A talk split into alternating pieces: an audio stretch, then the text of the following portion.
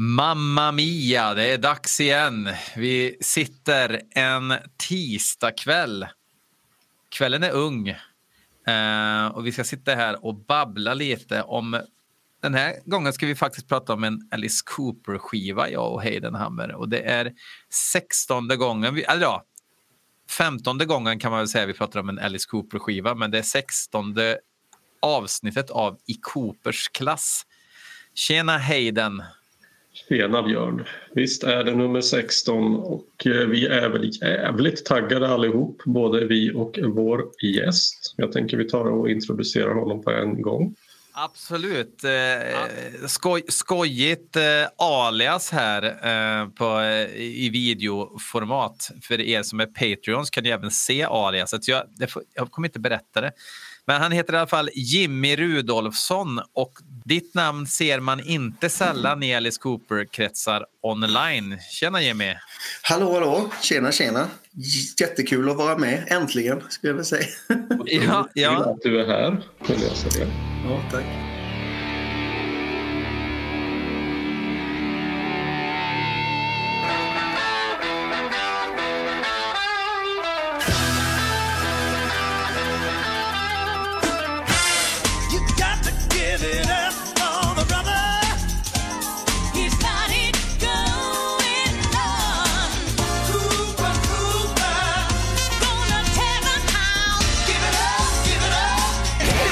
Gonna break it down.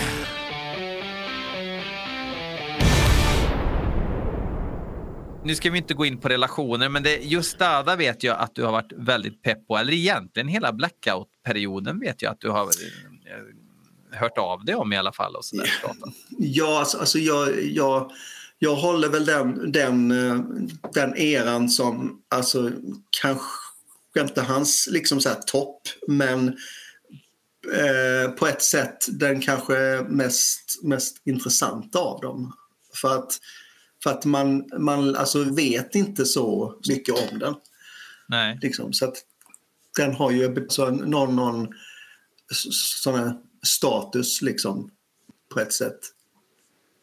Känns Absolut. Det är det så. Och det är väl att den skiva som vi ska dissekera denna gång Dada från 1983 kan man säga vara, verkar ju ha många Uh, an, många verkar ju anse att det är så att säga den, den riktigt stora glömda eller dolda juvelen i mm. sammanhanget och lite av kulmen på blackout-eran och inte minst den, den sista skiva han gjorde i nämnda era. Precis. Jag skulle och, nog också säga att vid det här laget så nu är jag villig att, den här skivan kan han ha glömt faktiskt att han har gjort. Om, om, mm. vi, vi har ju spekulerat i, kring huruvida han faktiskt har glömt det eller om det är eh, förträngt. Um, ja, vi såg ju precis men, en, en bild ifrån, eh, det här var väl från inspelningssessionen antar jag som... Ja, det är um, jag vet inte, vad hette den här filmen eh, med Tom Cruise, den här fantasyfilmen när han... Eh, uh, oh, vad fan heter... Uh, vad fan heter den? Den heter... Åh, oh, gud. Tom Cruise gjort en fantasy. Jo, men ja, Tom, ja, ja, väldigt Någon gång typ tidigt. typ 85, någon gång 85, Exakt. 86, Då är det någon häxa i alla fall som man möter i slutet. Lite grann så ser Alice Cooper. Han, han har så här gråtkajal på sig också så att det, det mm. kanske förstärker den känslan. är det inte. i samma film det är någon besynnerlig röd djävulsgestalt som ser exakt ut som grafen ja. Bubbe Mystic Circle? ja, det är det. Ja. Ja, nej, men alltså herregud vad Alice såg ut här och nu, alltså 83. Först och främst, vet vi vilken period, vilken, tids, vilken tid på året, när var den här skivan spelades in egentligen? Uh, det var, jag har för mig att det var sommaren någon gång. Men det var ju rövkallt i Toronto när de spelade in i och ja. för sig. Men det kanske var ja, det. Eh, jävligt kallt och blött för att vara sommar. Alltså det... Ja.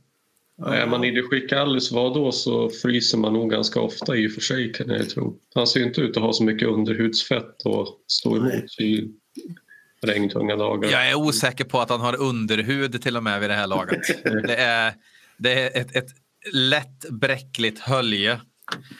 Um, men för visst är det väl så här nu då att Bob Esrin har fixat. Det var ändå typ 70 000 dollar tror jag um, som man hade fått ihop av Warner Brothers för, för att spela in den här skivan. Får gärna rätta mig om jag har fel. 90 det är rätt mycket. hörde jag. 90 000. Uh, oavsett, han har i alla fall fixat en penningpung. Alice är helt ointresserad av att överhuvudtaget göra en skiva. Så Esrin snackar med Dick Wagner, gitarrist som vi känner igen ifrån föregående avsnitt. Uh, som åker ner till Alice för att egentligen övertala honom och åka upp med honom till Toronto för att spela in den här skivan. Och Dick Wagner som enligt eget utsago då mer eller mindre inte dricker eh, är med Alice och dricker för att göra Alice nöjd och glad under hela den här processen. Uh, stämmer det? Jag, jag, det, det, känns ja, det, liksom, det, det, känns som en tenta när stämmer. du är med, Jimmy. nej, nej, så ska ni inte känna. Uh, jo, men det, det stämmer bra det faktiskt. Alltså att de, de fick ju typ alltså, uh, tvinga honom i stort sett dit. Ja, han var ju helt utkörd då. Ja. Men, det, är inte, äh, det är inte svårt att spekulera och tänka att Dick Wagner kanske räddade hans liv faktiskt. Ja, men, men, det är nog inte omöjligt faktiskt. Är man så opepp som han var på så gissar jag att han inte var pepp på så mycket annat heller vid den Nej. perioden utan mest sitta hemma och röka haschcigaretter och ta en öl. Crack. ja, jo. Mm. Eh, men eh, lite bakgrundshistorik mer till den här skivan som jag har spekulerat eller funderat på nu när man har så att säga, hårdpluggat eh, eller vi har kommit fram till den hållplats vi befinner oss på. Så är det att okej, okay, Alice är helt väck, han är väl mer eller mindre på en annan planet vid den här tidpunkten och han vill inte alls göra det här egentligen ifrån första början. Men det är väl också så att den här skivan kommer ju till eh, som för, för, att han har kontrakt på en skiva till för Warner Brothers. Mm. Och det är skivbolaget Warner Brothers som kräver ur den här skivan från honom. Men, ja. de inte, men de är ju inte heller intresserade av det här för de gör ju ingen mm. promotion och skiter väl fullständigt i det här så att jag fattar ja. egentligen inte ens varför det här blir av överhuvudtaget. Alltså jag, jag, jag, vet inte om det har att, att göra med att de inte ville liksom, alltså byta, eh, bryta något form av skiv, skivkontrakt kanske och att det skulle kanske, ja, stämningar och sånt och ja, ingen ja, kanske om, om det kan ha med sånt att göra kanske. Även om det är ofördelaktigt för artisten så har de ju ändå ett kontrakt som de måste leva upp till ja. ändå. Eh, då kanske den här st summan stämmer också, att det, det var eh, vad sa du, 90 000 då, dollar. Men, men jag menar, alltså jag förstår ju det här. Visst, det finns contract obligations och liknande och så. Men jag menar, om artisten inte vill och skivbolaget inte vill, ja, det skulle vara managementet då, alltså om det är hela mm. karusellen kring Alice Cooper. Men allting verkar ju vara så totalt kört i botten vid den här tiden så att jag är mest förvånad över att de inte bara rev kontraktet eller mm. sa till Alice själv att du, vi, vi glömmer det här och så kan ju du ta din crackpipa och så hörs vi aldrig mer. Problemet var att de kunde väl inte säga det till, de var väl tvungna att säga det till Shep Gordon som eh, ja, inte riktigt... Han, han vill ju hålla Alice vid liv också. Vid ja, det, här. Alltså, det var väl en livräddande insats att föreslå den här skivan, gissar jag. Ja, det kan nog vara. Men då, ja, de åker alltså upp till Toronto och vad jag förstår enligt en intervju med Dick Wagner som är gjord långt i efterhand som finns på Youtube så bor både alltså han och Alice på ett hotell i Toronto. Eh, delar väl någon slags två trerumssvit och så super de kopiöst men lyckas ändå få ihop material från ingenstans, alltså från scratch. Ja, det är det är, det är väldigt det är så här, alltså hur, hur de ens alltså fick, fick ihop en låt liksom är ju ett under. Ja, Känns det som. ja verkligen. Verkligen. Och, men en sak som jag blev glad, jag har också lyssnat på den där Dick Wagner-intervjun. Och någonting som jag inte liksom har tänkt innan. Ska vi bara ta lite bakgrunds Nu eller kör vi. relation? Ja, det är lika bra. För att det är svårt att prata om det här annars känner jag. När jag köpte den här skivan så var det var väl kanske... Jag vågar inte gissa, men 11 år sedan kanske. 12 år sedan. Så, så köpte jag det för att det var en Alice Cooper-skiva jag aldrig hade hört. Mm. Jag totaldyrkade liksom Alice Cooper Band, eh, vissa soloskivor. Men eh, min relation till, eh, till eh, 80-talet var egentligen noll förutom då, ja, de givna skivorna i, i slutet av 80 eller mitten och slutet av 80-talet. Um, ehm, men jag tänkte liksom bara att titta på den. Uh, det här Dali-aktiga omslaget. Uh, det är ingen logotyp. Det står Alice Cooper och sen Dada då med de här. Eh, kan vi säga något om de här bokstäverna? Är det någonting som jag inte begriper mig på som P1 Kultur vet mer än mig om? Jag har sett det där typsnittet till solstollarna någon gång. Och så säger du att det var rysligt mycket insekter på stranden idag. Det var rysligt mycket insekter på stranden idag. Ja, vad du är duktig att kunna säga så många saker. Och Solstollarna hade ju aldrig blivit till utan den här skivan. Nej, nej, nej. Nej, nej, nej. nej. nej, nej, så är det. Nej, men jag, jag såg den, köpte den och bara, jag fattar ju att det här blir ju, det här blir ju åka av. Det här blir ju inte Love's a loaded gun, utan det här blir något helt annat. Ehm, jag ska inte säga vad jag tyckte om musiken, men min relation var då att det här var ju min introduktion till blackout-eran. Eh, jag får ju pudla eftersom jag inte tänkte på den här som blackout-eran eftersom det var en skiva som jag var väl bekant med till skillnad från de andra tre. Eftersom jag också hade lite hum om att det här är en tid då eh, Alice karriär var ju så långt ner den kunde vara och att hans skick också var långt under snittet rent eh, mänskligt sett. Så blev jag så glad över att höra att de hade så jävla kul när de skrev de här låtarna. I den här intervjun med Dick Wagner. Att det, det verkar faktiskt som att de hade det jävligt gött under den här perioden. Och det var ännu roligare att lyssna på skivan nu då och veta det att ja, men de, var, de, de, de var superkreativa och pepp på att göra skivan.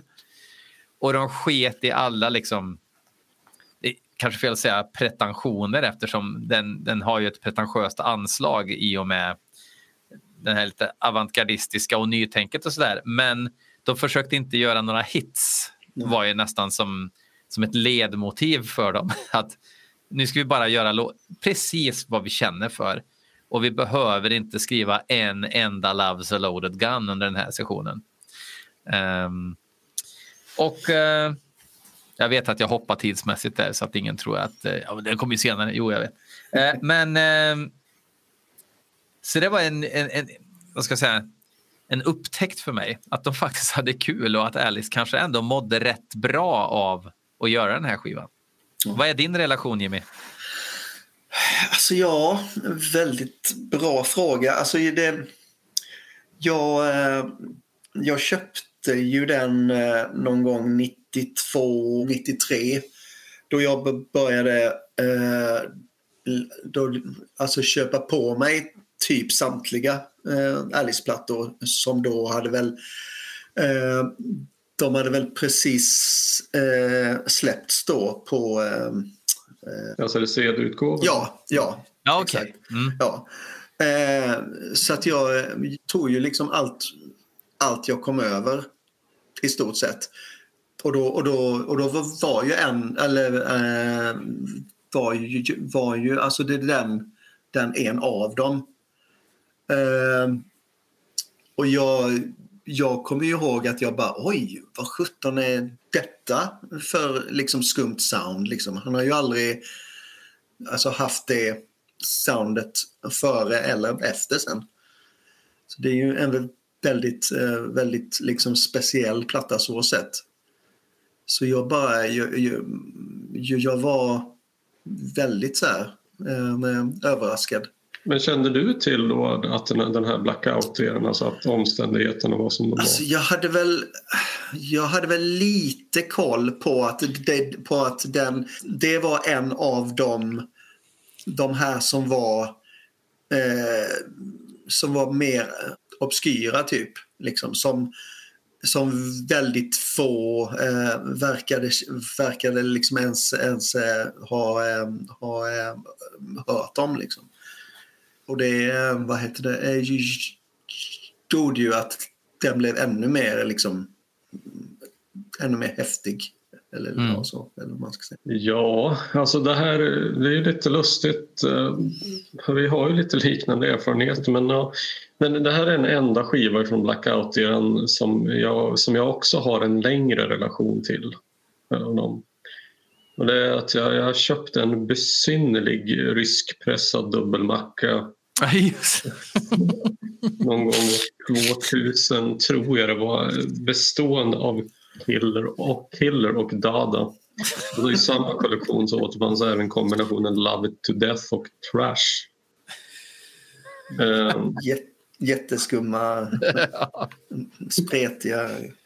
ja, det, jag, jag vill minnas att jag kollade upp det här vid något senare tillfälle. Jag, det var inte så att det där bolaget hade gett ut så att säga, hela eh, diskografin i samma form. Utan jag tror det var faktiskt kanske bara de, här, bara de två och möjligtvis ett par till eller någonting som fick samma behandling. Men då var det också där att eh, jag, ja, Ryssland, gud vet eh, hur det är nu, men även när det var då så upphovsrätt existerade ju inte utan det var ju någonting helt annorlunda. Så att vem som helst fick ju så att trycka upp skivor bara man kunde och sen så kunde man ju sälja dem bäst man vad jag förstår. Man kan säga att de var, de var tidigare med internetinställningen. Liksom, Ja, jo, det-. Ja, nej, men eh, ja, det har väl sagts tidigare i, tidigare avsnitt men ja, Blackout-eran känner man ju till lite grann sen tidigare vid en blänkare i Okej någon gång, anno Mm. 91 eller något. Så, Det. för där stod det någonting om att ja, han har spelat in skivor som han inte minns. Okej. Och sen förstod jag väl senare att Dada var ju en av dem och därför så var det faktiskt riktigt så här kittlande att till sist äntligen få Mm. höra den. Precis. Jag tyckte också att, eh, som vi har tagit upp redan, att, att omslaget var ju jävligt lockande. Om man tyckte att Special Forces var lynchaktigt så var ju det här ännu konstigare. Ja, Och det är ju inte bara Dalí-liknande, det är väl Salvador Dalí som har målat. precis, precis. Precis. Det är ju, ehm, det är ju jävligt snyggt. Ja. Mm. Alltså, Dalí var ju bra på att göra snygga grejer. så, det är inte så konstigt. Nej, men det gör sig verkligen. Alltså, det är ju um, någonting man höjer ögonbrynen för, helt klart. Ja, alltså, jag, så att jag, jag visste inte vad jag, hade vänt, vad jag kunde vänta mig alls. Uh, och jag vet inte, ska vi börja gå över då till själva skivan och våra respektive intryck av vad det vad som mötte ens öron när man väl slog på den? Jag, jag har en fråga bara, om ni kan luska ut det här. Det är ju bara um, Bob Ezrin, Dick Wagner och Alice på den här skivan. Sen är det någon som hoppar in på någon extra trumma och sådär. Ja, det finns några, några musiker som hoppar in slentrian. Mm. Men var det en budgetfråga egentligen i kombination med Bob Ezrins eh, synt eh, eh, novis liksom? Eller var det enklare så att programmera skivan istället för att dra in massa musiker? Jag vet faktiskt inte om jag ska vara ärlig. Alltså jag, jag kan väl tänka mig kanske lite både och på något Mm. sätt.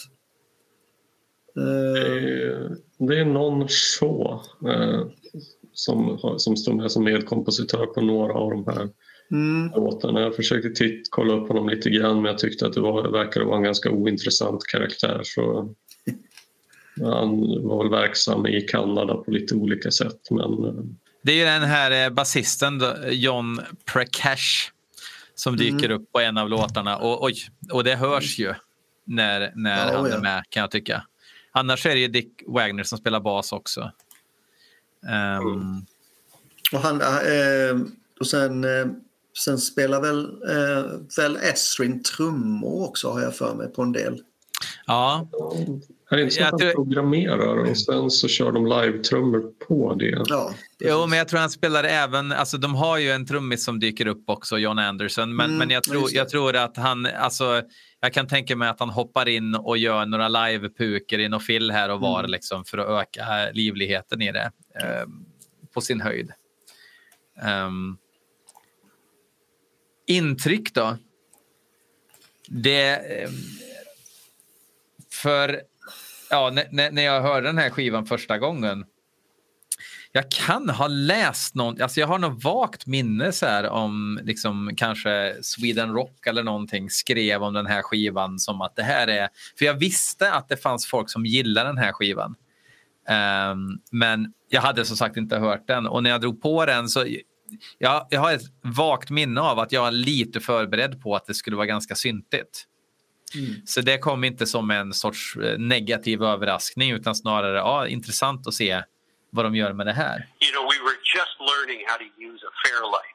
This was the one of the first sequenced um, and electronic-based albums. You know, and so much of it is from the Fairlight, um, but it's dated because those were the very, very early days of, of sampling and sequencing. Men mitt första intryck var ändå att jag kände att jag ändå kände igen mig så fort Alice börjar sjunga. Liksom.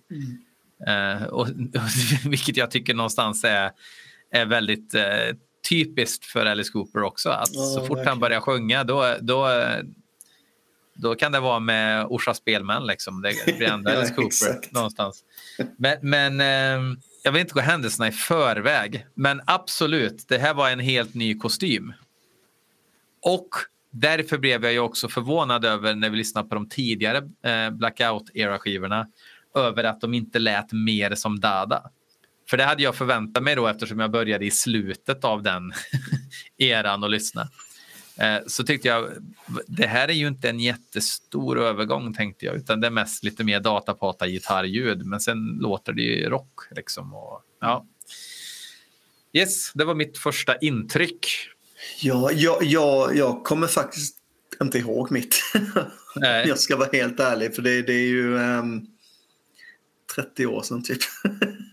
Nej, men alltså jag, jag, det enda jag, jag så här kommer ihåg eventuellt är att jag bara liksom tyckte att fan vad häftigt. Att Alice liksom, eh, liksom görs alltså, sånt här också. Liksom. Mm. Men ja, ja nej, nej, men att, att, att det var häftigt liksom att det var fräckt, fräckt sound på något sätt. Att det kändes liksom...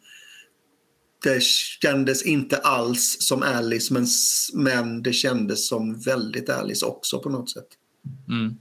Eh, Jag, jag backar bandet lite grann och så säger det här också om vad jag hade väntat mig om skivan. Att, i och med att jag hade, jag, genom att kolla på omslaget och läsa lite i texterna så där innan jag lyssnade på själva musiken så trodde väl jag att okay, det här kanske rör sig lite grann om någon slags koncepthistoria och med den här medaljongbilden man ser på baksidan att det skulle ja, Dada handlar om pappa, det är någon familjehistoria sådär. Ehm, Så jag undrade kanske lite grann vad det här skulle handla om rent historiemässigt och om det var en sammanhängande historia. Och det har vi ju konstaterat många gånger tidigare här i, här i podden att eh, man vill ju gärna få det till det att Alice skriver konceptskivor i högre utsträckning än vad han faktiskt verkar göra. Och det är också ganska intressant att du, när du får en ny skiva då tar du på monokeln och jag öppnar en öl. Liksom. Det, vi har så helt olika ingångs... Utan jag, jag, jag snarare brukar tänka så, när jag lyssnar på en ny skiva om jag hör att här finns ett koncept som jag ska förkovra mig, i, då gör jag det. Liksom. Men jag inleder inte så.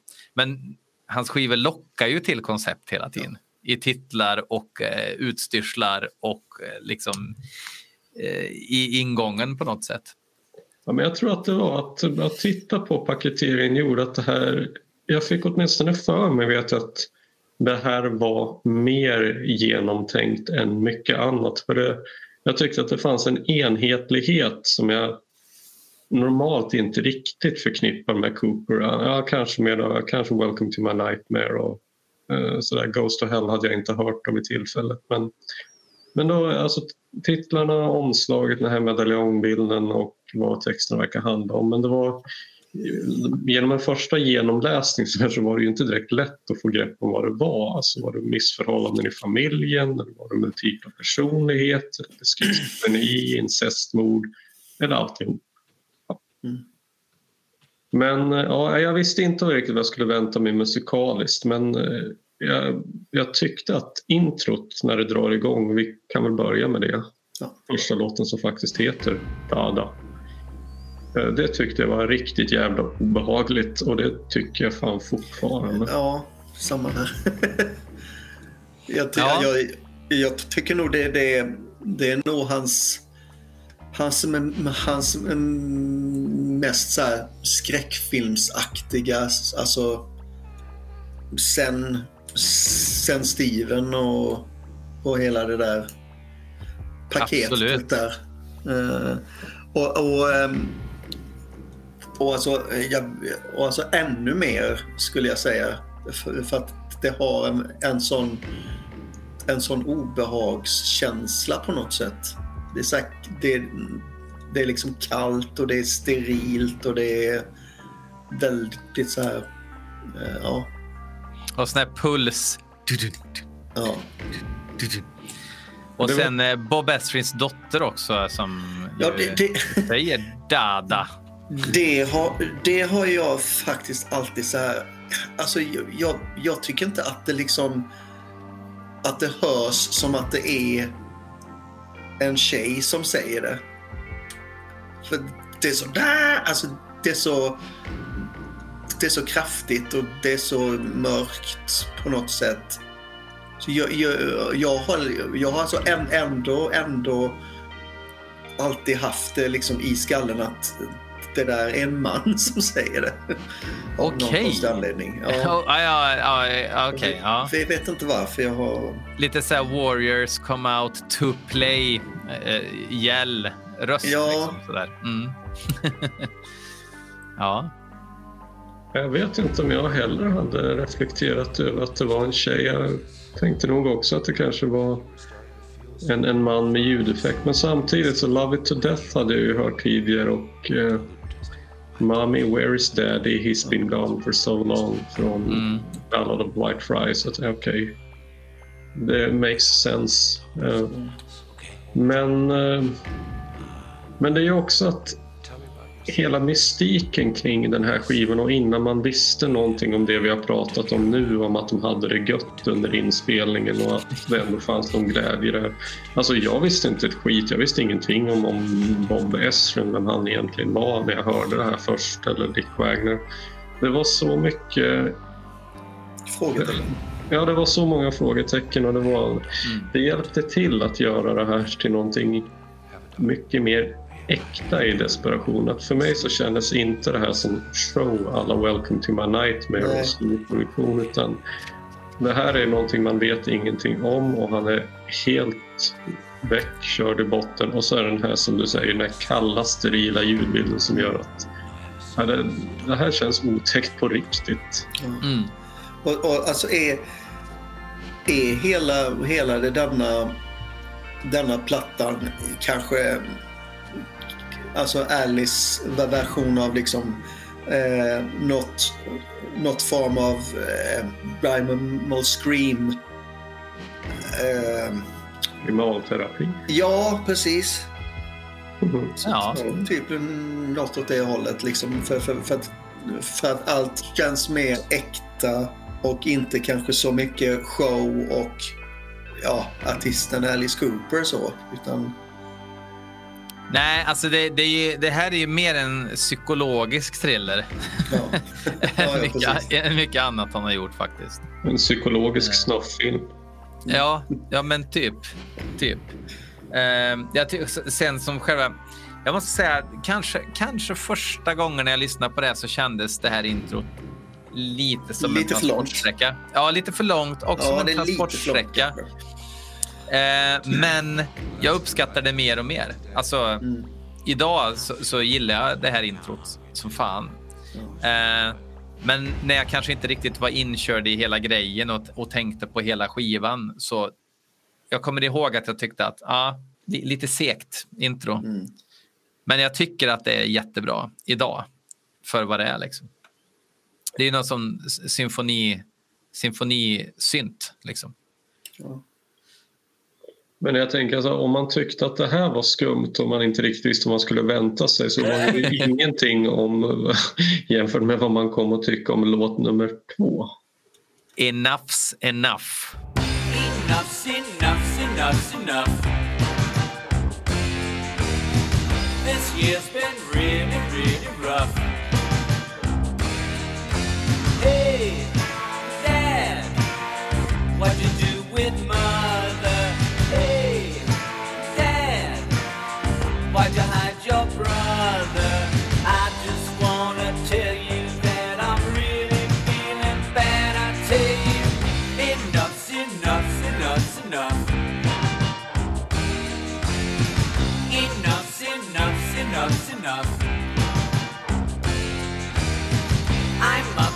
Here with all your stuff. Hey,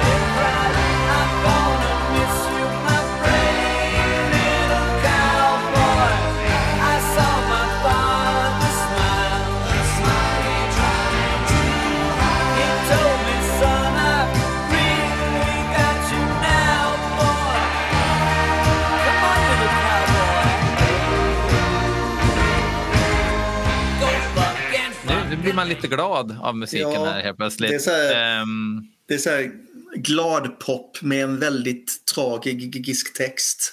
Ja. Eh, ja, det, det är ju en sjukt eh, sorglig text där om eh, morsan dör och farsan eh, ler och såna här saker. Ja. Och eh, fuck you dad-tema på den här. Ja.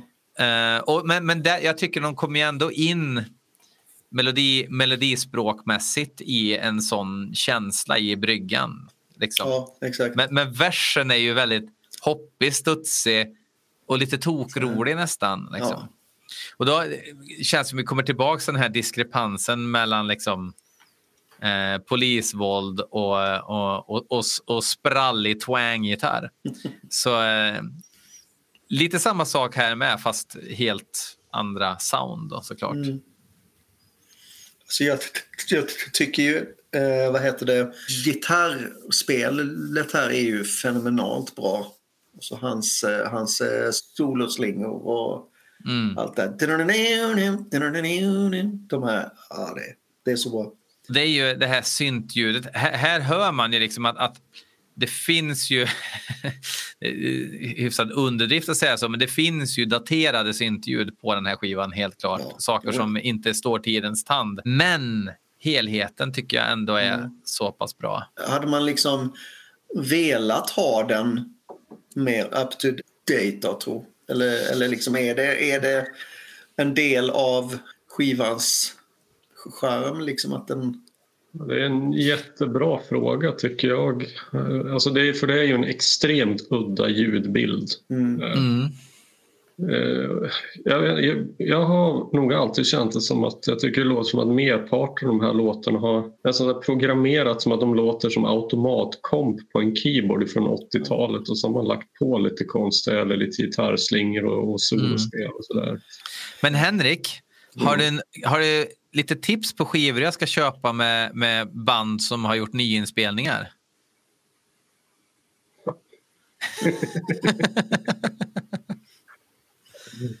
Jag tror det är case closed på den va?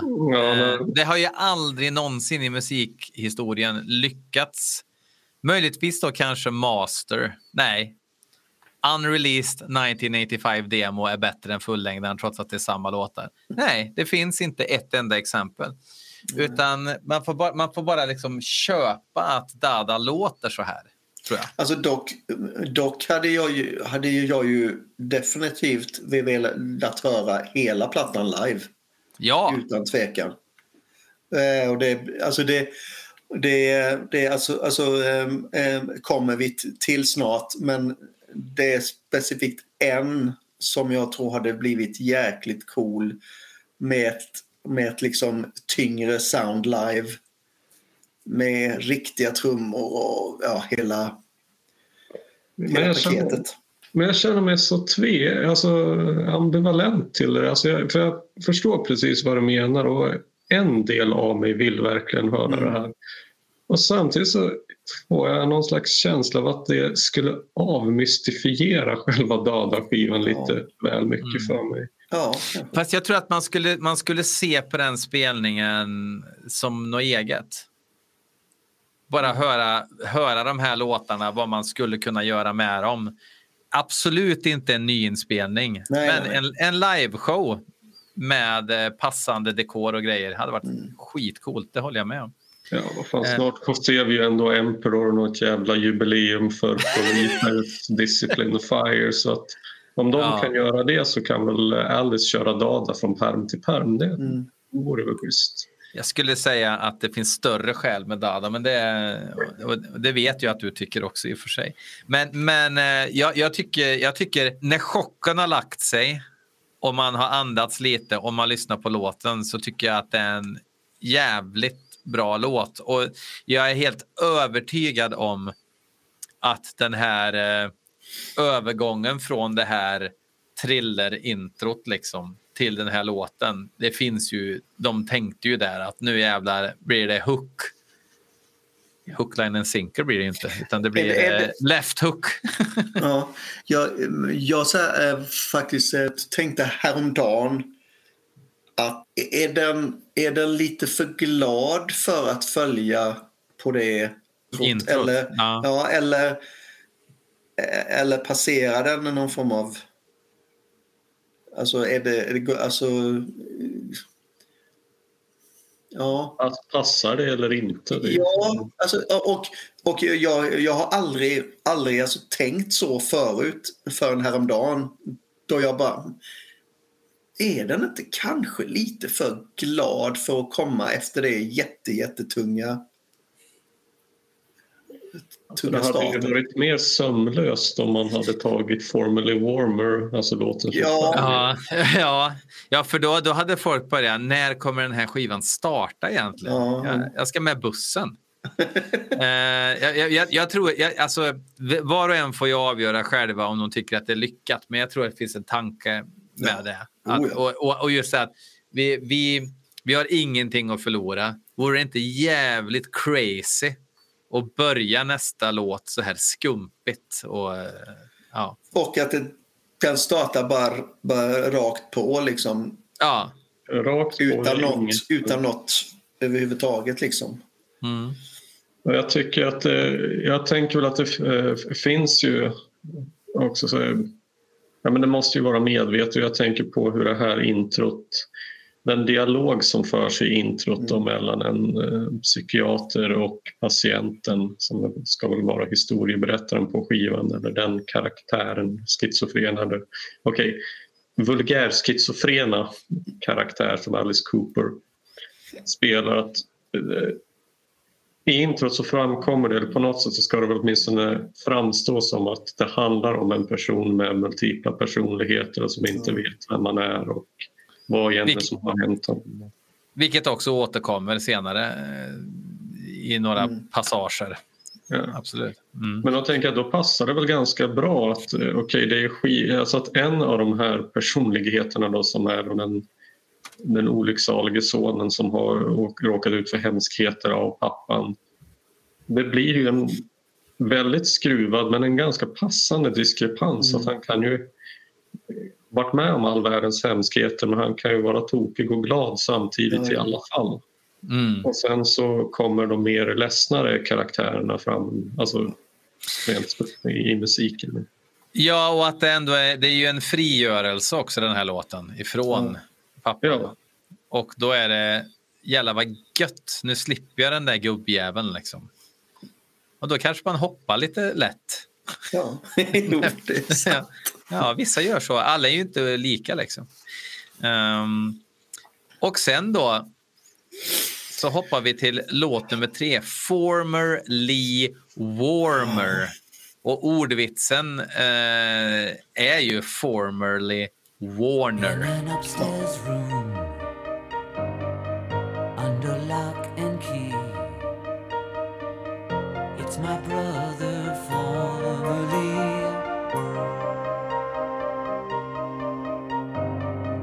All the mops and brooms keep him company. Misconceived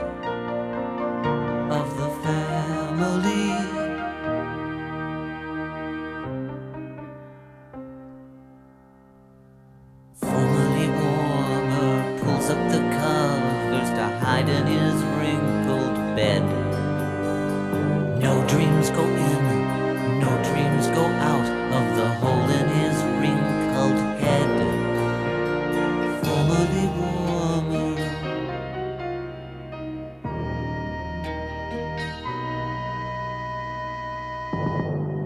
When I hear him play in his twisted key. The way he calls to me on a silver tray. I keep the master key. In every way, he depends on me. Formerly warmer, an old smoking jacket holds in his satin sleeves candlelit puddles, arthritic fingers, yellow stained ivory keys. Jag blir glad av det. Ja, Att de, att de, att de ger en liten känga till Warner det är Brothers. som ett då. fuck off liksom. Och det är lite kul också att, att det hela handlar om att han inte ville ge rättigheter till Warner Brothers och ha soundtracket till Round, eh, nej till eh, Roadie. Roadie.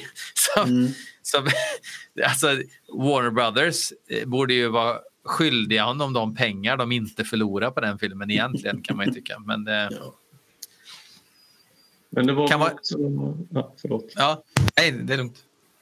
Eh, Jag kan vara att saker och historier har blandats ihop lite grann men det är väl också, och jag har fått för mig att Warner Brothers också var jävligt less på att ja, men de, de upplevde att Alice och hans management överhuvudtaget inte uppskattade dem. Alltså att de tyckte väl att vi har nog gett dig ganska jävla mycket men du ger ju inte oss goodwill i return.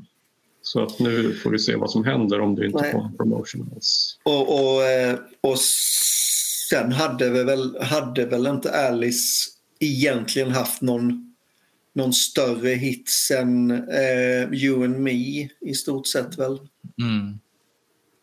tror jag. Det finns låtar som är bättre än You and Me efter You and Me, men det är en Ja, annan ja. femma. Ja, ja. Oh, ja.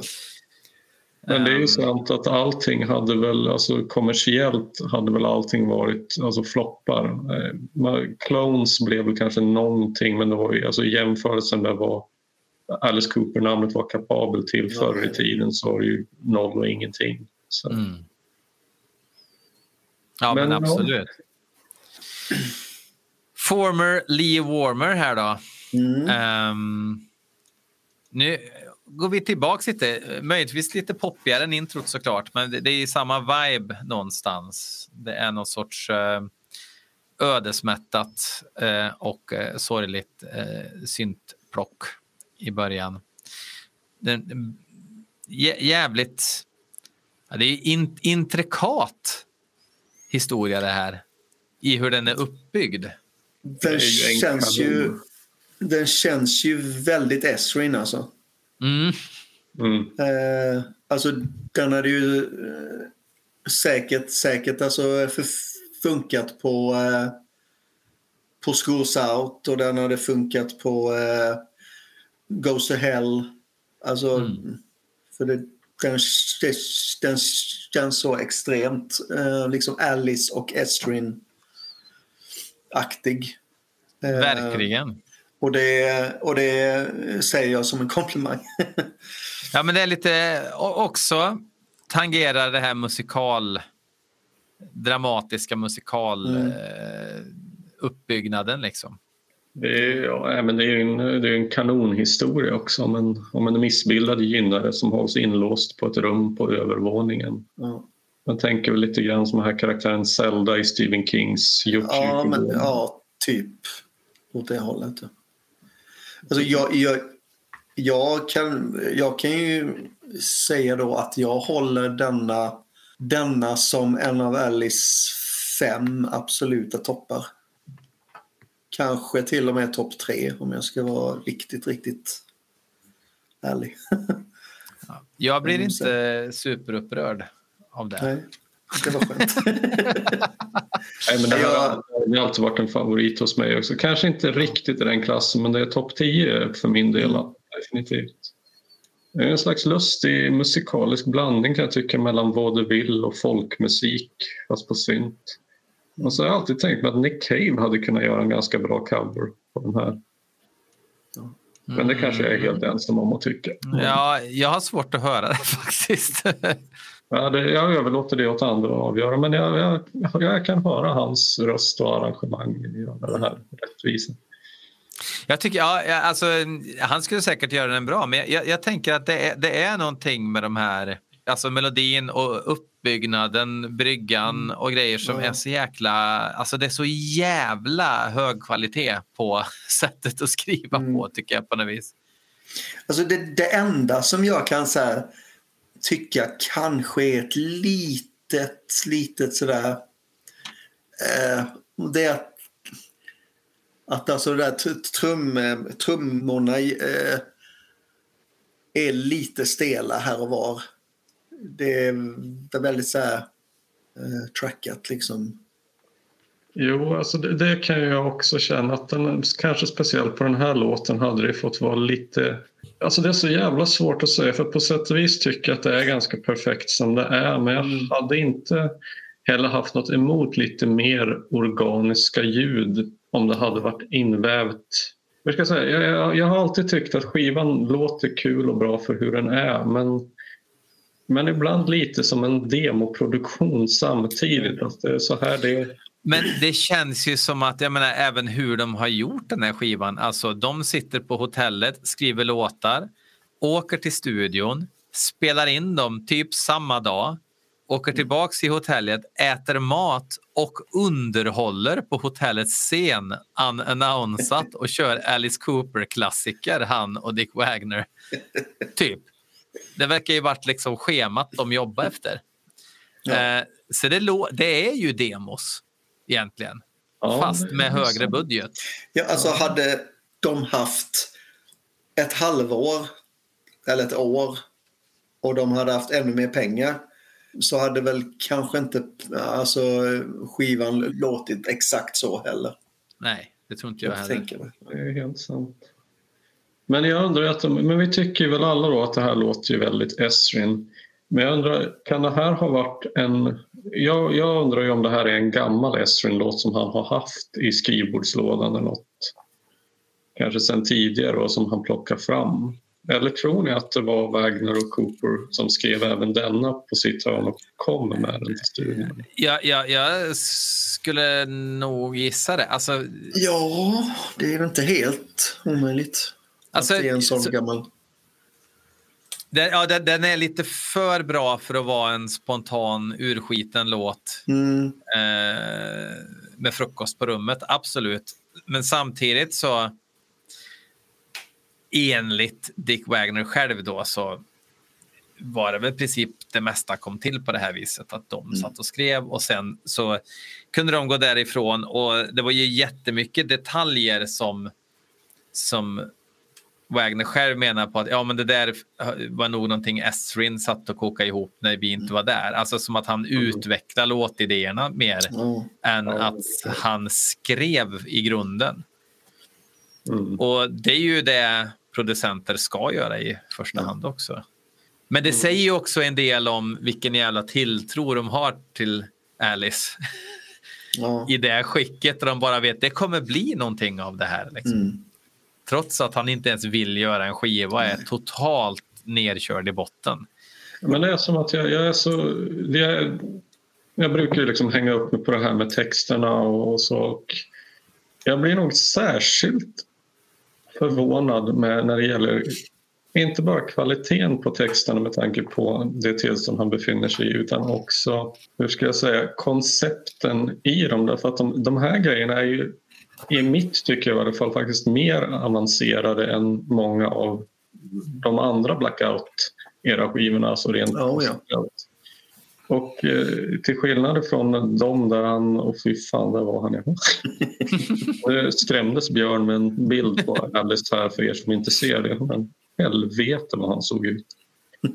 Eh, Nej, men jag tänker att om det på Zipper Catcher Skin och eh, är det Flush the Fashion jag tänker på när väldigt många av titlarna är tagna ifrån eh, rubriker i tidningen Enquirer. Så får man ju inte den känslan här utan det här är ju historier som Alltså jag kan inte fatta att en totalt nercrackad kokainpundare som inte vill göra en skiva bara kan haspla ur sig det här som att det är ingenting i så fall. Mm. Ja, nej, det är...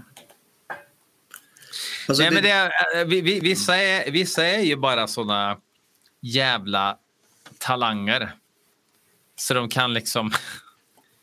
Det är som Nils Ferlin som skrev dikter mot en öl liksom, när han var som fattigast och bara skrev på papper som sen bevarades och sen publicerades liksom många år efter han dog. Alltså vissa bara är, de har det bara i sig. Men samtidigt, vi ska inte gå händelserna i förväg. Så, Nej. Men. Men, men, det, men jag vill ändå påstå att det finns ju betydligt senare Alice Cooper-skivor som han har klämt ur sig i nyktert tillstånd där han inte är i närhetens närhet av att Nej. vara så här avancerad. Och det alltså, när, när Ulf Lundell hade blivit nykter då var det ju folk i publiken som kom med skyltar som det stod “Börja sup igen Uffe”. Mm. Och, ja, jag säger ju inte att man borde uppmuntra Alice men alltså, Nej, nej. men eh, har det, alltså, är det inte egentligen en priofråga då? Att om man är nere i skiten och man bara har musiken. När man är nykter då bara, nej nu, nu ska jag ju golfa också. Ja, precis.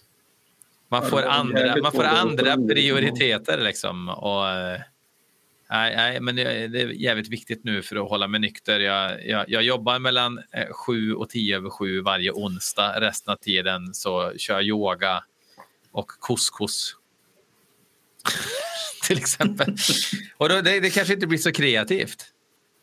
Nej, så, så kan det säkert vara. Det är alltså livsstilen snarare än drogerna, tänker jag, som drar, drar ur det där ur vissa människor. Men på tal om briljanta historier så tycker jag vi går över till nästa låt, No Man's Land. Oj, oj, oj. I got a job in Atlanta in a mall playing Santa, not because of any talent, but because I was the only one to suit fit.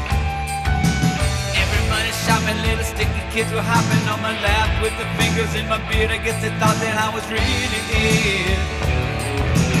She sat down on my lap and said to me, I'm 23 and I need someone. You look like someone who can play with me. Stay with me, all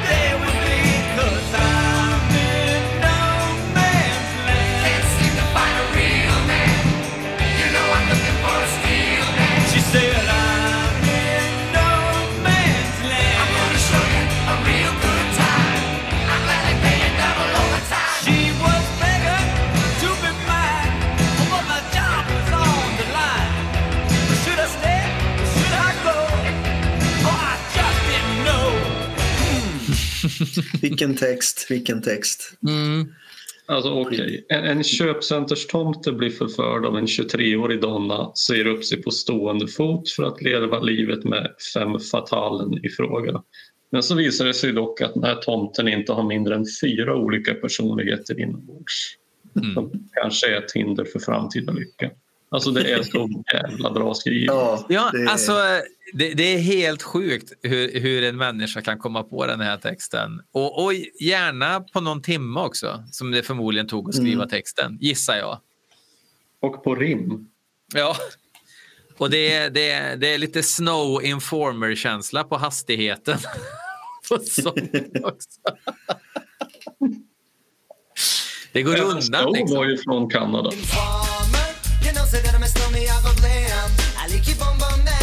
Var det? Mm. Åh fan. Det är hardcore vit rap från... från. Jag trodde Det är faktiskt- ingen i världen visste var Snow kom ifrån, inte han själv heller. ens. Men nej, men det- det, det här är ju... Och nu, nu är det ju... Alltså, när jag hör den här så tänker jag ja men det här är ju sån här musik. Men vad fan är det för musik vi hör egentligen?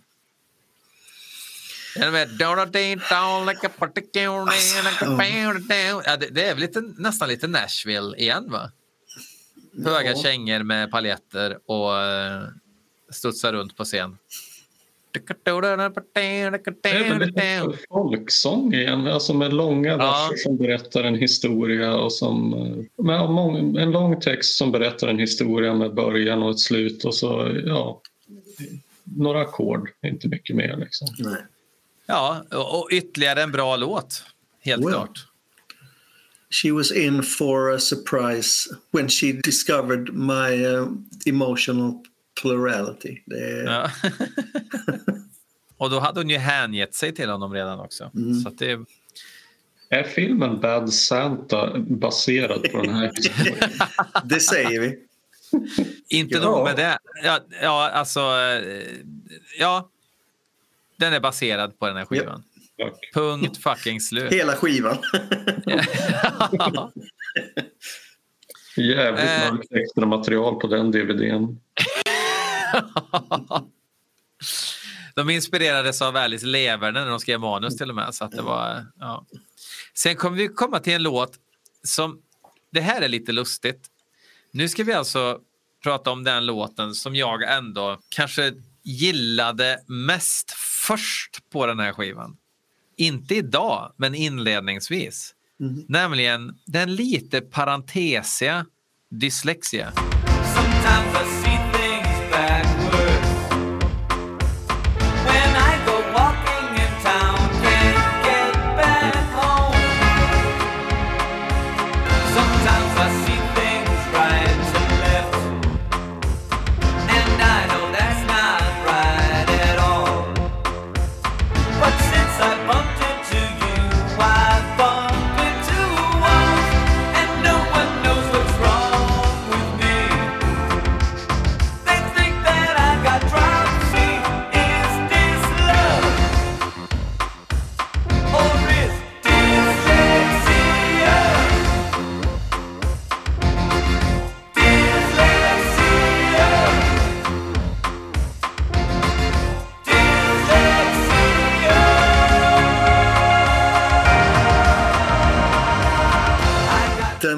Också en sån där eh, briljant skojig text. Eh, Sometimes I see things backwards.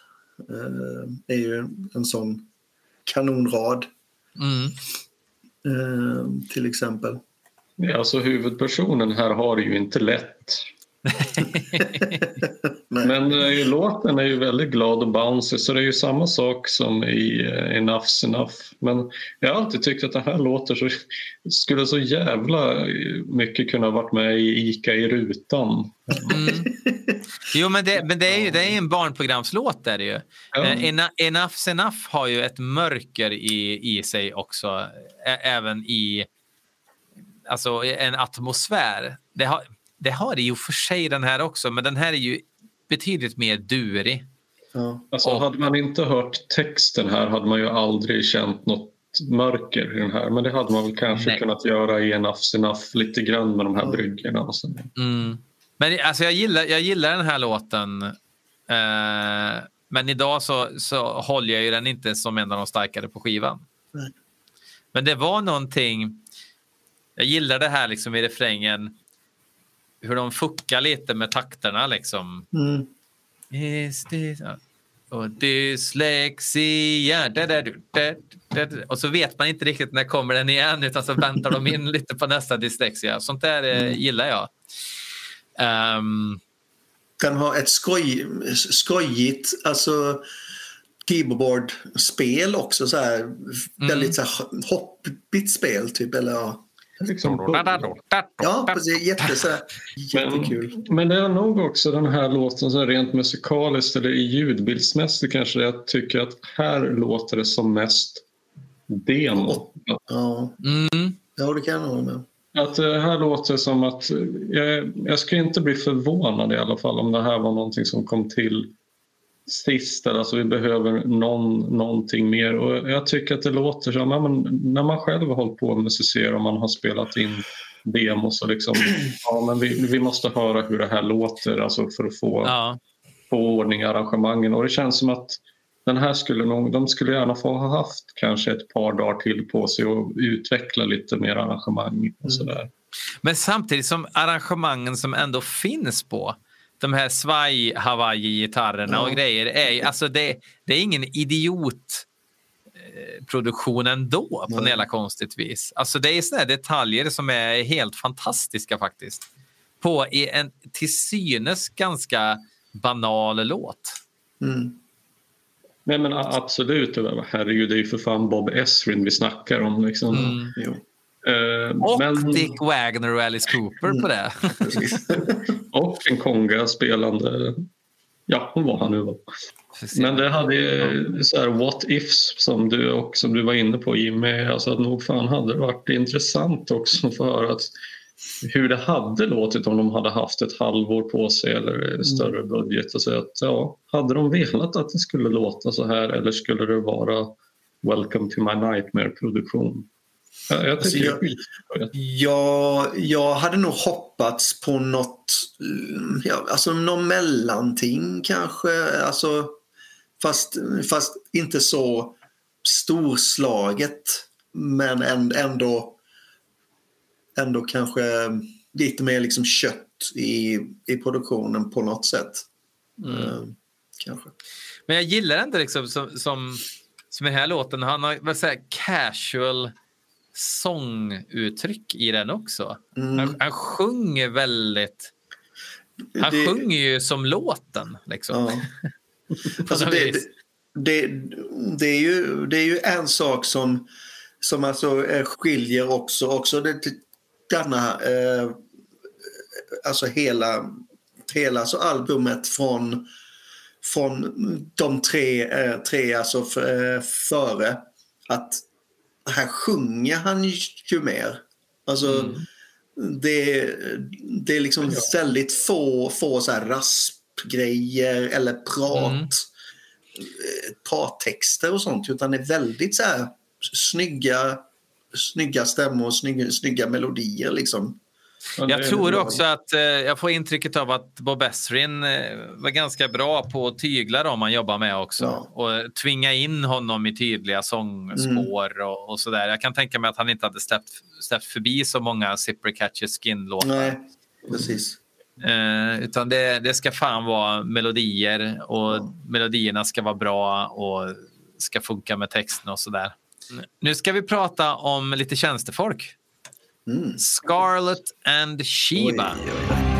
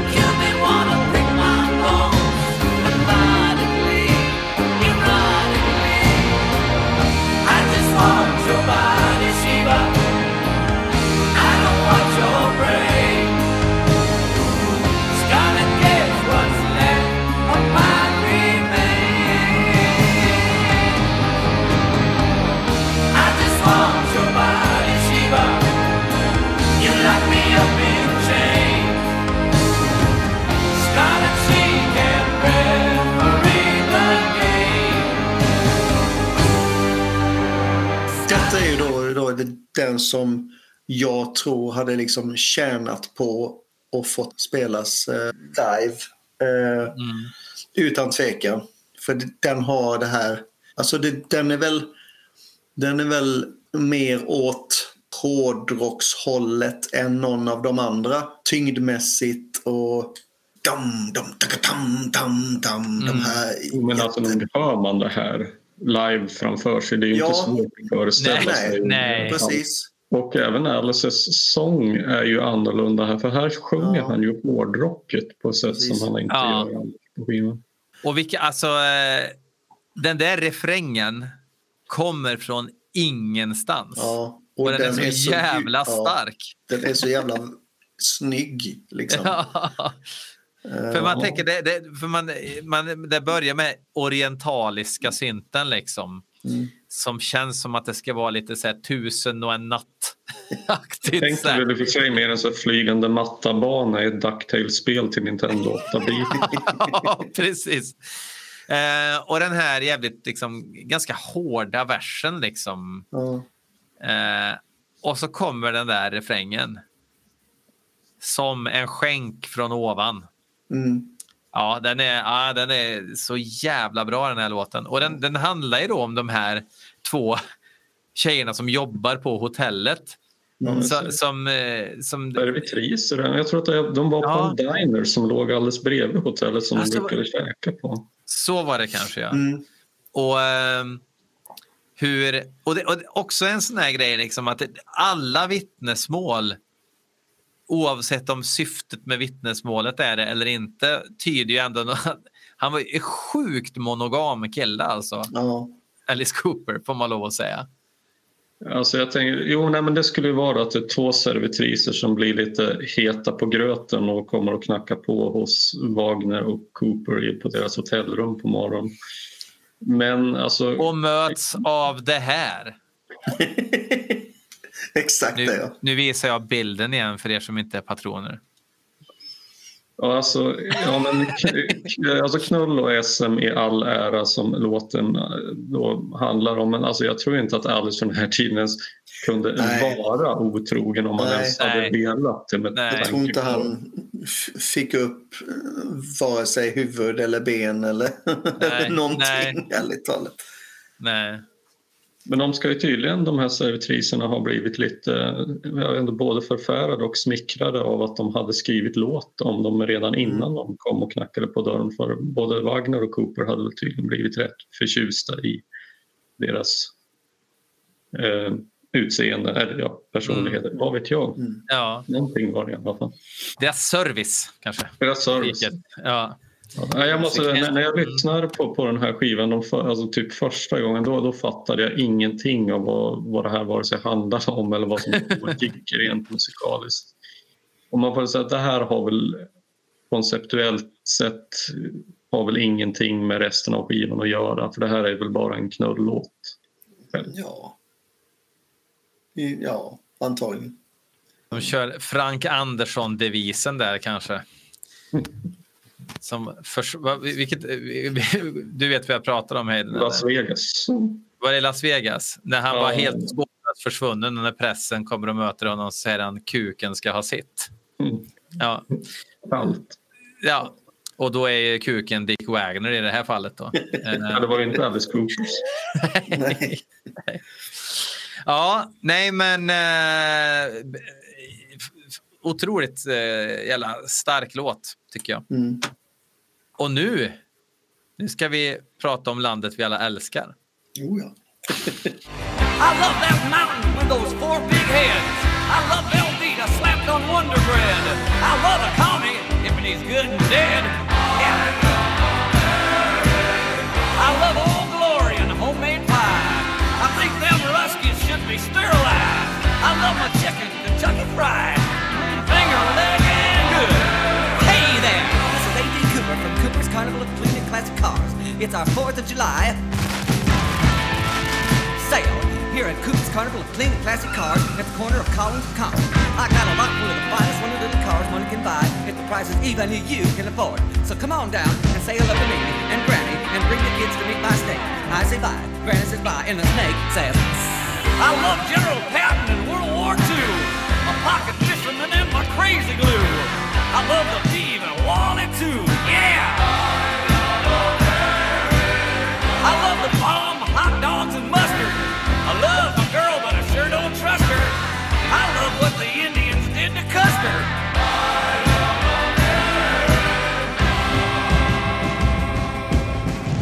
I Love America. De här två låtarna sitter ju ihop. Helt plötsligt så kommer man in i den här låten. Eh, och det tog ett tag innan jag fattade det. Eh, att det faktiskt är två olika låtar. Men det händer ju någonting väldigt eh, konkret. Eh, kommer in i den här nästan lite pajiga gitarrslingan som ändå är så jävla bra. Mm. Uh,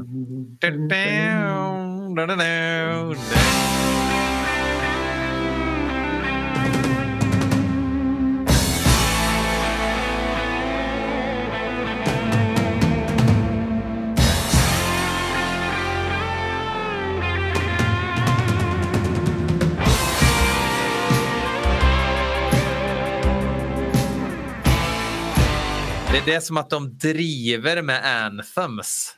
Ja, det här var ju också den enda singel som lyftes ifrån skivan. Så jävla konstig singel. Ja, verkligen. Det här känns ju som, som, det här känns ju som ett humorinslag på skivan. Oh, ja. Eh, men man blir ju pepp alltså. Ja, Men här lyser det ju igenom då att de faktiskt hade kul på inspelningen också. Ja. Oh, ja. Verkligen. Och han gör ju en jävlisk insats bakom micken här. Alice. Ja. Både med sång och bilförsäljartal. Ja. Och det är A-team och det är um, ja, bilförsäljare och det är... Um, Mount Rushmore och det är Crazy Glue och Cuss. Ja, Ja. jävla mycket som passerar revy. det, är så, det är liksom som att han intar en, en eh, snäppet över utvecklingsstörd amerikansk syn på sitt eget land. Det, det är typ, typ det. Alltså, jag, jag, och jag, får, jag får känslan av, är det någon, är det någon liksom så här, eh, variation på någon av, av de eh, eh, karaktärerna som han var på Special Forces lite grann.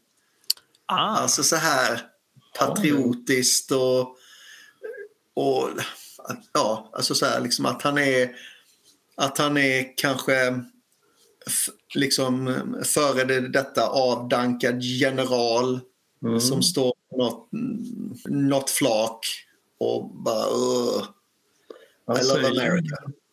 Han säger i, eller, i, eller som är, i en av de här liner notesen på Life and Crimes-boxen, för den här låten är ju med där, att han, hade, han skulle vilja göra en video till den här låten som bara går ut på att han sitter i en långtradare och kör omkring medan han sjunger det här. Så det kommer väl nog ganska nära. Jag, jag har aldrig tänkt Mm. på den här eh, Special Forces-kopplingen men det skulle väl funka alldeles utmärkt, tänker jag. Ja, jag har heller inte tänkt... Alltså det, på, på något sätt, jag ska inte säga att det känns som att det är självklart, men det kan ju finnas där i bakhuvudet. Alltså ska vi ta tillbaks Special Forces Alice till en låt här också? Mm. Typ. Ja, Som en kul grej. fast skruva honom ännu mer. Eh, liksom, Ja. Dick sitter och bara liksom fjantar sig med gitarren typ och så bara, ja men du, vi gör en anthem liksom. Ja, det är ju inte mycket till, jag menar det är väl bara nå, en ackordsprogression, alltså en sån ackordbyten som går om och om igen. Det är ju ingen refräng egentligen annat än en I love America. Så att den skrevs väl på 30 sekunder eller någonting. Förmodligen. Även om inte alla skulle skriva en sån text på 30 sekunder. Nej, det tror jag inte heller. Så gör han det. Fresh Blood.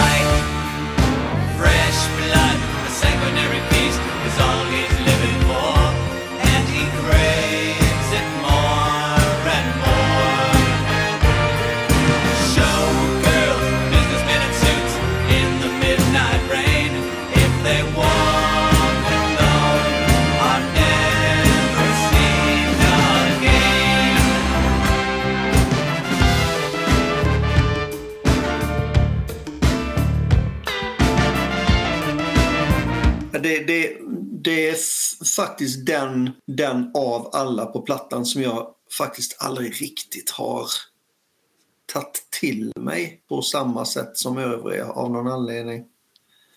Eh, jag, har aldrig, jag har aldrig känt att den riktigt kanske kanske platsar på något sätt. Jag, vet- jag, jag, jag vet, vet inte om det är om det är arret eller stilen eller ja. Jag, jag håller med. att eh, Jag glömmer faktiskt alltid bort hur den här låtjäveln går. Ja. Alltså det, jag vet inte hur många gånger jag har kollat på låtlistan. Så Fresh Blood, men hur fan är det? Och jag, jag får, nu när, jag, när vi hade lyssnat på den innan den här omgången så är det klart, ja men nu kommer jag ihåg. ja, Men, men den är ju väldigt anonym alltså. ja. Mm. Trots Ja, att den och, inte är det. Den är, mer, exakt. Alltså, den är mer anonym än vad den är. Ja. Alltså, men- Jämfört med sig själv. ja. Vi, gör så här, vi stryker Fresh Blood innan vi har skrivit den. Ja, precis. Nej, men jag, jag, ty- det, jag tycker som den här syntstingan. Då tänker jag så här, det skulle vara, kunna vara så här. Eh, I Fletch, typ. I slutet av Fletch, när, han, när, han, eh, när det har gått åt skogen och han är på väg. Det är så här, man ser lite skyskrapor, han åker igenom. Alltså lite Fletch-känsla över den här. Med så här Ja. klippmusik till en 80-tals komedi.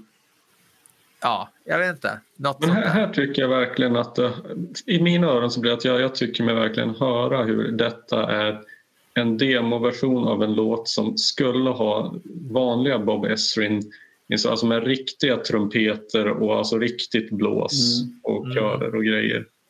Fast vi behöver inte riktiga soulkörer någonsin i världshistorien faktiskt. Tycker jag. Nej, jag kan hålla med. Men jag tänker att det kanske är därför den här låten inte riktigt vill sig på den här skivan. Att det kanske är därför den blir anonym. Att det blir ett arrangemang som inte passar för den här sortens låt och därför så försvinner den bara lite grann. Men det lustiga är att det känns som att den här låten är en av de låtarna som kanske skulle kunna gå på radio enklast på något vis. Ja. Det är så här väldigt... Den har så lite karaktär så att den skulle kunna nå ut brett på hela vis. Ja.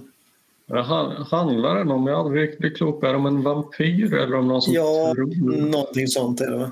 Ja, Jag tänker, är det någon som tror att den är vampyr, alltså lite som Nicolas Cage-karaktären i Vampires Kiss? Eller är det någon som tar hem folk för att ha ihjäl och mata en fiktiv, ja, någonting som man tror finns men inte är på riktigt? Fresh blood, någon, någon där hemma eller han själv ska ha, måste ha blod eller döda för att kunna leva vidare. Och det, och det, och det och alltså själva så, alltså, alltså temat känns inte som om det hör hemma heller på platta. Alltså, alltså du- dock, dock kan jag ju ändå alltså känna att Scarlett och Shiba ändå hör hemma ändå fastän det är en, en sång om att knulla. Alltså typ. Men, men alltså det, den, denna känns, känns så alltså inplockad från en helt annat, ett helt annat projekt. Typ. ja Jag, vet inte. Jag, jag kan nog köpa konceptet här om det är någon galning som inbillar sig att han måste döda Mm. för en för någon slags vanföreställningsperspektiv. Men alltså, det, det, det är ju så här med, när, när konceptet är så löst som det här eventuella konceptet är.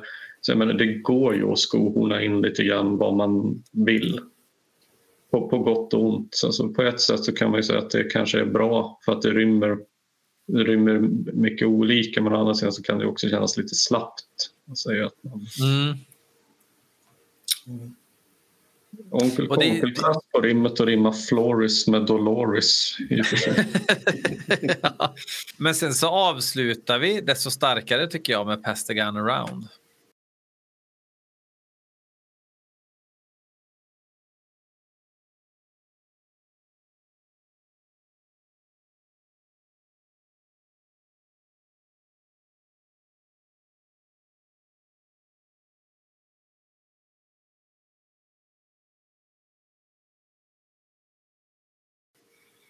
En helt okej låt.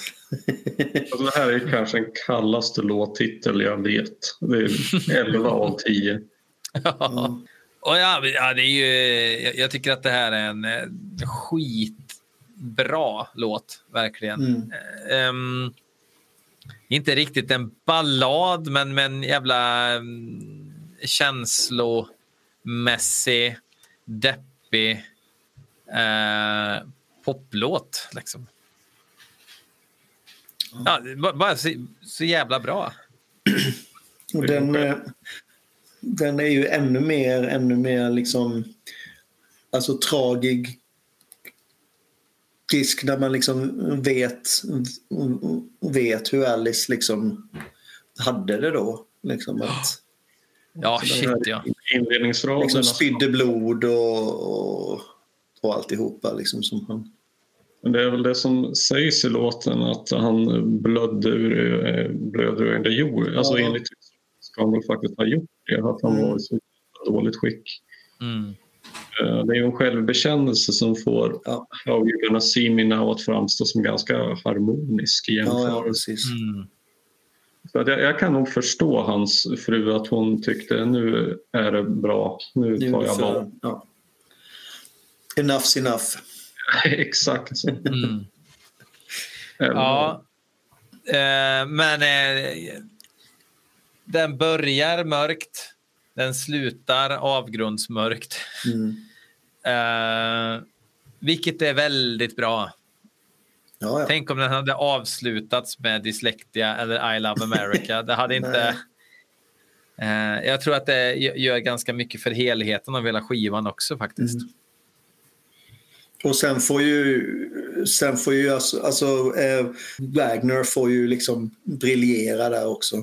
Ja. Med ett Ja, solo gud, som ja. är helt eh, makalöst bra. Liksom. Det är en låt som rymmer väldigt mycket och det, märker man, det märkte jag först efter ja, Jag var tvungen att lyssna på den ett gäng gånger innan jag började märka hur, ja, men hur avancerad den faktiskt är arrangemangsmässigt och Mm. spelmässigt. Så jävla mäktigt också med tanke på sättet att arbeta på den tiden och göra en syntskiva så här. Mm. Som inte nödvändigtvis ska låta synt i sig egentligen. Eh, det låter ju inte Pet Shop Boys liksom. Nej. Eh, men men de, gör, de gör ändå en syntskiva. Och sättet att skriva på på det sättet var ju relativt nytt. I alla fall för en rockproducent. Ja. Det var väl i Tyskland man höll på med sånt där på sin höjd. Liksom. Kanske ja, London då kanske. Men ja, det är jävla, jävla modigt projekt från början till slut. Liksom. Och att det slutar så här bra är ju science fiction nästan. Ja. Ja, det, det är verkligen, alltså det, den, den, eh, den är ju också i min, i min topp 10 liksom, av, alla, Mm. Av alla hans kreationer. Mm. Men den är, ja. Och då är vi ju liksom inne här nu på det mycket omhuldade, omhuldade betygssättningen. Många det- vet jag bara spolar till det här segmentet Mm, i ja, varje precis. avsnitt. Ja. Du får börja Jimmy. Vi kör Ja. 1 till 5. 1 till 5. Och du får ha, du får ha 0,5 men du får inte ha 0,3 till exempel. Nej. Ha, ja. Ehm, ja, alltså jag... Det är väl ingen hemlighet att jag, att jag alltså älskar plattan. Men jag, jag skulle nog ju ljuga om jag sa att det var en femma ändå. För det, det finns vissa saker som jag kanske hade sett hade, hade liksom gjorts på annat sätt. Kanske eh, arrangemangsmässigt eller produktionsmässigt. Men, men alltså texterna och, och, och, eh, och, och alltså Alice, Alice eh, framträdande och allt sånt är ju är helt briljant. Eh, så jag, ja, jag ger den... Mm, fan vad svårt. eh, fyra med reservation för 4,5. Eh, För, för att, alltså då, då är vi uppe på liksom Schools Out och de här. Eh, men ja, snäppet under, under, under det där i alla fall. Ja, jag håller med i mycket av det Jimmy säger här. Men eh, ja, den är återigen en av de här. De, den är, jag tycker den är svår att betygsätta. För ja, den är skitbra men den har klara flås skulle jag säga. Men eh, i ursprung så skulle jag vilja också sätta som någon slags fyra av fem. Men jag tycker samtidigt att det blir lite högt. Så att jag vet, nu sa vi precis att vi inte får liksom ha 1,3 men, men eh, ja, någonstans den ligger precis mittemellan 3,5 och 4 ska jag säga. Den låter som den gör, det är coolt att den gör det men det, det är ändå grejer som jag tycker känns så pass icke utvecklade som jag hade velat höra mer av. För mig blir det att en del av låtarna låter som de är embryon som skulle behövt blomma ut lite mer för att det ska bli riktigt bra. Men textmässigt så är det ju fantastiskt. Det är ju liksom, det är full pott. Och några av låtarna är fantastiska. Men den når ändå inte riktigt upp till den här... Det, vissa vill ju få det till att det här är ett jävligt mästerverk och att den är helt förbisedd och den är en juvel. Och jag tycker inte att det blir helt ärligt. Och jag kan inte säga det i alla fall. Den är skitbra men den är inte så fantastisk. Skulle Alice röst ha, ha varit lite högre upp? Tycker ni? Överlag. För det, det, ibland så känns det s- som att hans röst kanske eh, drunknar en aning här och där. Den är ju inte Lace Nej, inte. nej, precis. Jag, Men, jag eh, tycker att den smälter in bra. Jag har Ja. faktiskt aldrig tänkt på det. Men eh, jag, eh, jag säger inte att du har fel. Nej, alltså det det, det, det, var, det var inget jag, inget jag själv hade alltså, eh, tänkt förut heller.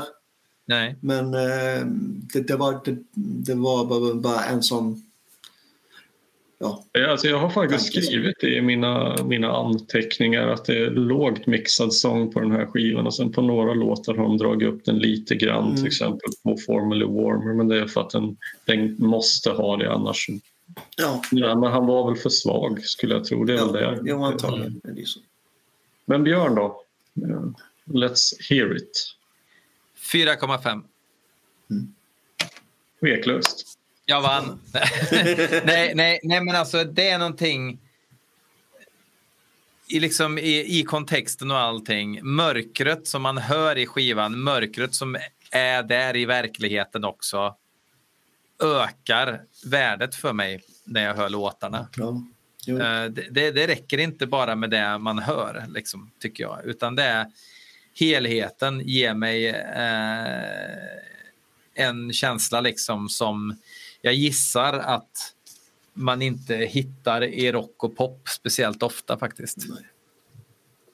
Det känns eh, till vissa delar självbiografiskt på ett sätt som, som, ehm, som det kanske inte alltid har gjort förut.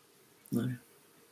Nej, jag, jag, jag tycker det är så kul också för att jag, jag upptäckte den här skivan lite helt apropå för att den dök upp på en skivmässa. Liksom. Och jag köpte den och lyssnade på den och hade sett som sagt något skrivas om den men aldrig hört någon prata om den överhuvudtaget. Så det känns som att jag verkligen upptäckte den här i, i, själv på något vis. Och låtarna har växt med tiden och nu när jag har verkligen det märker jag, man lyssnar ju på ett nytt sätt inför ett, när man ska prata om en skiva. Eh, och då kanske man blir lite mer kritisk också. Eh, kommer inte undan med vad som helst. Men trots det, jag hör ju allt ni säger och håller med om det ni säger. Att man skulle kunna utveckla vissa saker mer och sådär. Men det finns liksom en skärm i det här outvecklade också tycker jag. Ja. Och hur skivan har kommit till. Vad fan, jag ändrar mitt betyg till 4,5 och så får vi fan Ja. sluta här innan jag ångrar mig en gång till. Ju sett, eh, sett det här också då. Okej. 4,5. Jag, är- jag är alltid, alltid där- och liksom svänger liksom 4 eller 4,5. Det, Jag alltså, alltså, Ja, om, man, om, man, om man nu in, in, inte för att gå, gå, gå alltså händelserna i, i förväg för er del men alltså jämför, jämför liksom denna platta med de, de tre, fyra som kommer härnäst. Alltså rent...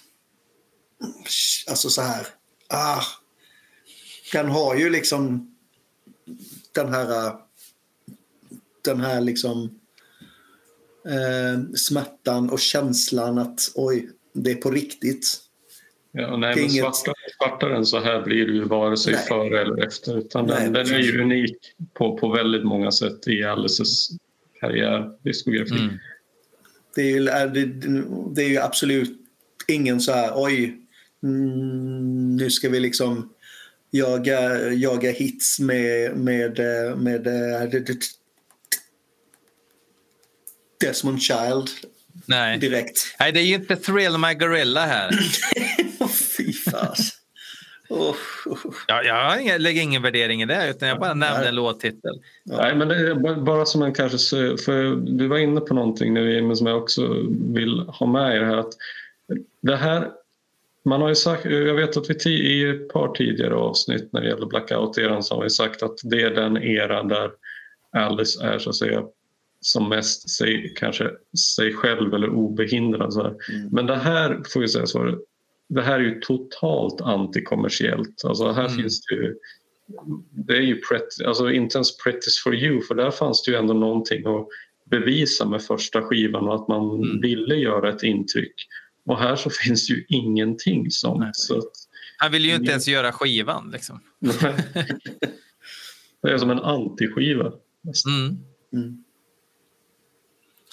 Mm. Och med de orden så ska vi tacka för den här gången. Men framförallt tack till dig Jimmy som eh, Ja, så gärna var med. Och du har massa bra länkar har du skickat. Och, eh, Ja, bombat oss. superintressant. Ja. De har inte gått obemärkt förbi. Ja, det är kul. Det är kul. Mm. Ja, tack som tusan för att jag fick vara med. Ja, men själv. Och gärna så. Låt stå och tack för kaffet säger jag. Låt stå. Sonny wakes up in the morning feeling kinda sick. Needs a little Stoli vodka, needs it really quick. Sees a little blood run from his eyes, feels a little hotel paralyzed. Has a gun